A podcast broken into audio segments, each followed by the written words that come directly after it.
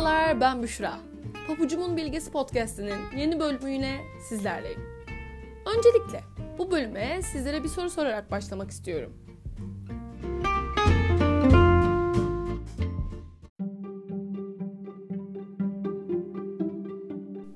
Bir dağa tırmanmak istiyorsanız en kısa ama en dik yolu mu seçersiniz? Yoksa daha uzun olan ama zirveye çıkmayı garanti eden yoldan mı gidersiniz?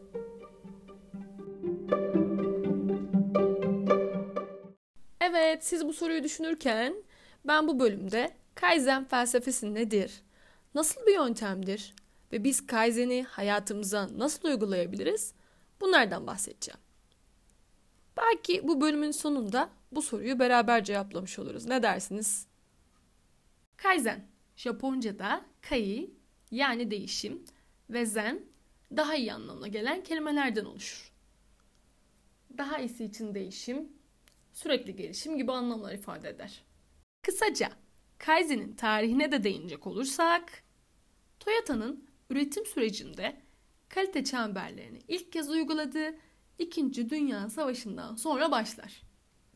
Kalite çemberi işle ilgili sorunları tanımlayarak analiz edip çözmek için toplanan gruplardır. Bu gruplar oluşturulurken ülkeyi ziyarete gelen Amerikan iş ve kalite yönetimi öğretmenlerinden de kısmen de olsa etkilenilmiştir. Bu çalışmalar 1950'lerde Japonya'da çok popüler bir hal almış ve adeta devrimci bir konsept haline gelmiştir. Ve Kaizen terimi Masaiki Imai'nin çalışmalarıyla dünya çapında ün kazanmıştır. Aslında Kaizen hem bir yöntem hem de bir felsefedir. Başlangıçta yönetim becerilerini geliştirmek için kullanılan bu yöntem zamanla kişisel gelişimi teşvik etmek için kullanılan bir felsefe biçimi haline gelmiştir. Kaizen'in temel hedefi küçük adımlarla istikrarlı bir şekilde sürekliliği sağlayarak başarıya ulaşmaktır.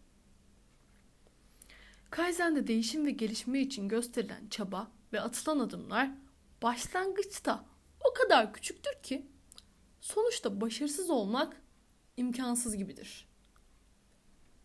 Normalde tüm bu değişimler hatta olumlular bile biraz korkutucudur. Öyle değil mi? Değişiklikler ister görünüşte önemsiz olsunlar, isterse yaşamımızı kökten etkileyecek olsunlar, bu durum bizi biraz ürpertir. İşte değişikliğe karşı duyulan bu korku beynin içine kök salmıştır. Ve ortaya çıktığında değişikliği, yaratıcılığı ve başarıyı tamamen engeller. Tam da bu sebeple yapmayı planladığımız bir işle ilgili radikal kararlar vermek yerine küçük adımlar atarak beynin korku dolu tepkisini etkisiz hale getirebiliriz bence. Ayrıca bu sayede mantıklı düşünmeyi ve yaratıcı yanımızda uyarabiliriz. Örneğin amacımız bir kitap bitirmek olsun.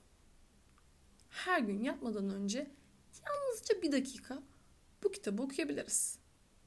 Buradaki amaç ne kadar üşengeç, ne kadar tembel olursak olalım 60 saniyelik bir şey için bahanemizin olamayacağıdır.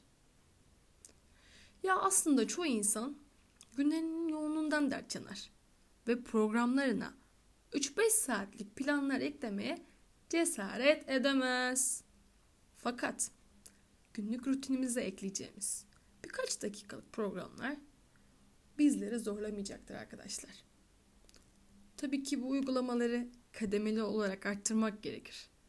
Sonunda kabul edilip işte uygulanabilir bir zaman dilimi belirlersek kendimize göre bir hal, bir yol bulabiliriz. Peki sahiden küçük değişikliklerle büyük sonuçlara ulaşmış kimseler var mı Büşra'cığım? Sen bunları anlattın ama kimmiş bakalım bunlar? Anlat da bir dinleyelim derseniz size muhteşem bir hikayeden bahsetmek isterim. Ayrıca yeri gelmişken sizlere şunu da söylemek istiyorum. Hikayeler insan biyolojisi açısından konunun kalıcılığını sağlar ve etkisini arttırır. Evet, dönelim o muhteşem hikayeye. Okunuşları yanlış olabilecek sözcüklere takılmıyoruz ama arkadaşlar. Evet, İngiliz bisikletçiliği The British Cycling Federation'ın kaderi 2003 yılında bir günde nasıl değişti? Öğrenmeye hazır mısınız? Her şey Dave Brisford'un performans direktörlüğüne getirilmesiyle başladı. O zamana kadar İngiltere'de, İngiltere'deki profesyonel bisikletçiler neredeyse 100 yıldır vasat durumdaydılar. 1908'den beri İngiliz bisikletçiler olimpiyat oyunlarında yalnızca bir kez altın madalya kazanmışlardı. Ve dahası bisiklet sporunun en büyük yarışı olan Fransa bisiklet turunda daha da kötü durumdaydılar. Tam 110 yıldır bu yarışı kazanan tek bir İngiliz bisikletçi bile olmamıştı. Artık Avrupa'nın önde gelen bisiklet üreticileri, e, diğer profesyonel ekipler, ekipmanlarımı İngilizler de görürler de almazlar diye, zarara girerim diye bu takıma bisiklet satmayı bile reddetti. Yani durum o kadar vasattı. İşte tam da bu sırada Dave Brisford devreye girdi. Ve Einstein'ın şu sözünü tam anlamıyla yaşama indirgedi. Hayat bisiklete binmek gibidir. Dengede kalmak için hareket etmeye devam etmen gerekir. Devde çalıştıkça ilerlersin, durursan düşersin diyordu. Ve marjinal tekerleri bisikletin mucizesine dönüştürüyordu. De bu felsefeyi bütün prensip bisiklet sürmekle ilgili her şeyi ama her şeyi küçük parçalara bölüp o parçaları yüzde bir oranında iyileştirirseniz hepsini bir araya topladığınızda tabii ki de hatırı sayılır bir düzeltme sağlarsınız diye açıklıyor. Sonrasında ne mi oluyor? Takımda büyük bir dönüşüm başlıyor arkadaşlar. Bisiklet seleleri daha rahat hale gelsin diye her sporcuya özel üretiliyor, özel tasarlanıyor. Daha iyi yol tutuşu elde etmek için lastiklere alkol sürülüyor. Biniş sırasında ideal kas ısısını korumak için elektrikle ısınan dış şortlar giymeleri isteniyor. Hatta her sporcunun egzersizlere nasıl tepki verdiğini incelemek için biyo geri bildirim sensörleri kullanılıyor. En hızlı kas iyileşmesini hangisinin sağladığını görmek için farklı masaj yerleri deneniyor.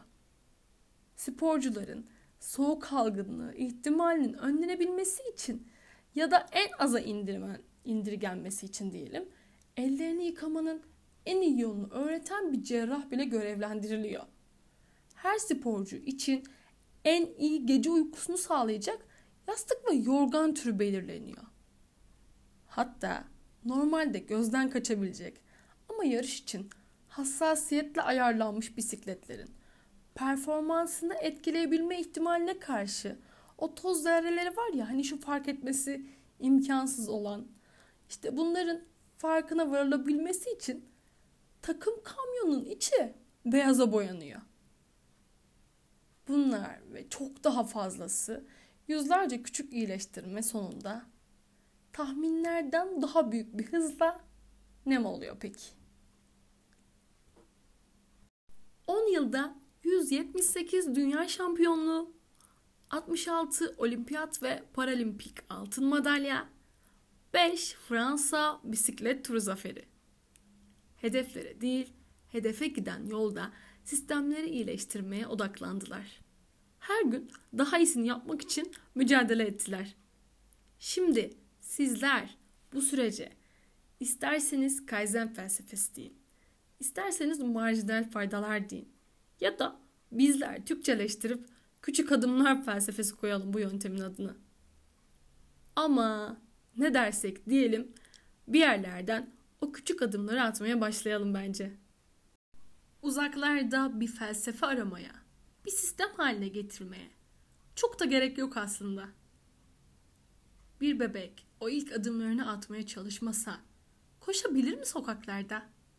Ve aslında hepimiz hatırlayamadığımız o ilk minik adımlarımızla başlamadık mı hayata?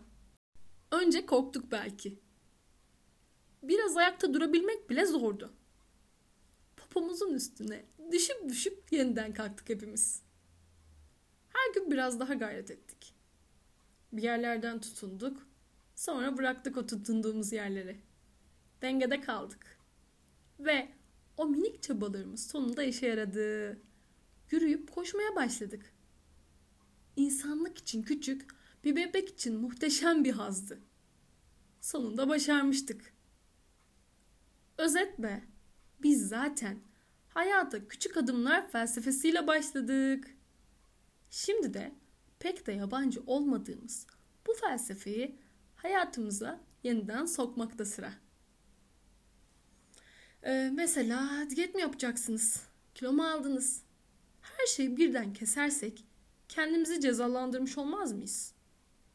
Önce abur cuburları azaltmakla başlayabilirsiniz mesela. Fazladan bir bardak su ya da 15 dakikalık kısa bir yürüyüşle başlasak çok güzel olmaz mı güne? Kazanmamız gereken bir sınavsa onlarca konuyu bir günde öğrenmeyi bekleyemez kimse bizden. Önce 15 dakikalık periyotlar halinde konulara başlasak sonra bize uygun bir şekilde bu süreyi biraz arttırsak inanın gayretle yılmadan her gün yaptığımız bu çalışmalar bizi elbet başarıya götürecektir. Ve kapanışı yapmadan önce girişte sizlere yönelttiğim soruyu cevaplayacak olursak bence zirveye uçarak gitmenin hiçbir zevki yoktur arkadaşlar. Zevk her bir kası hissederek adım adım çıkmaktır oraya. Varılan yol değil, yolculuktur bence mesele.